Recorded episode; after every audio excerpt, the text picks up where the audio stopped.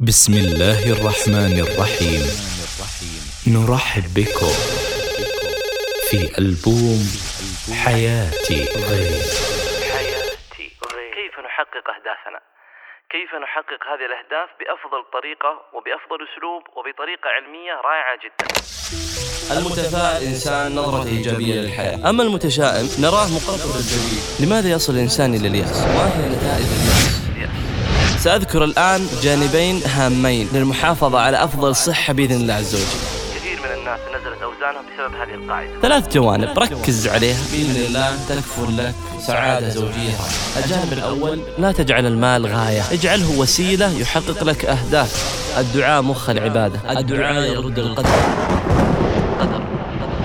كيف أستطيع كيف أستطيع أن أجعل من هذه الموهبة ومن هذه القدرة؟ هي مصدر خير وسعادة ورزق أحيانا.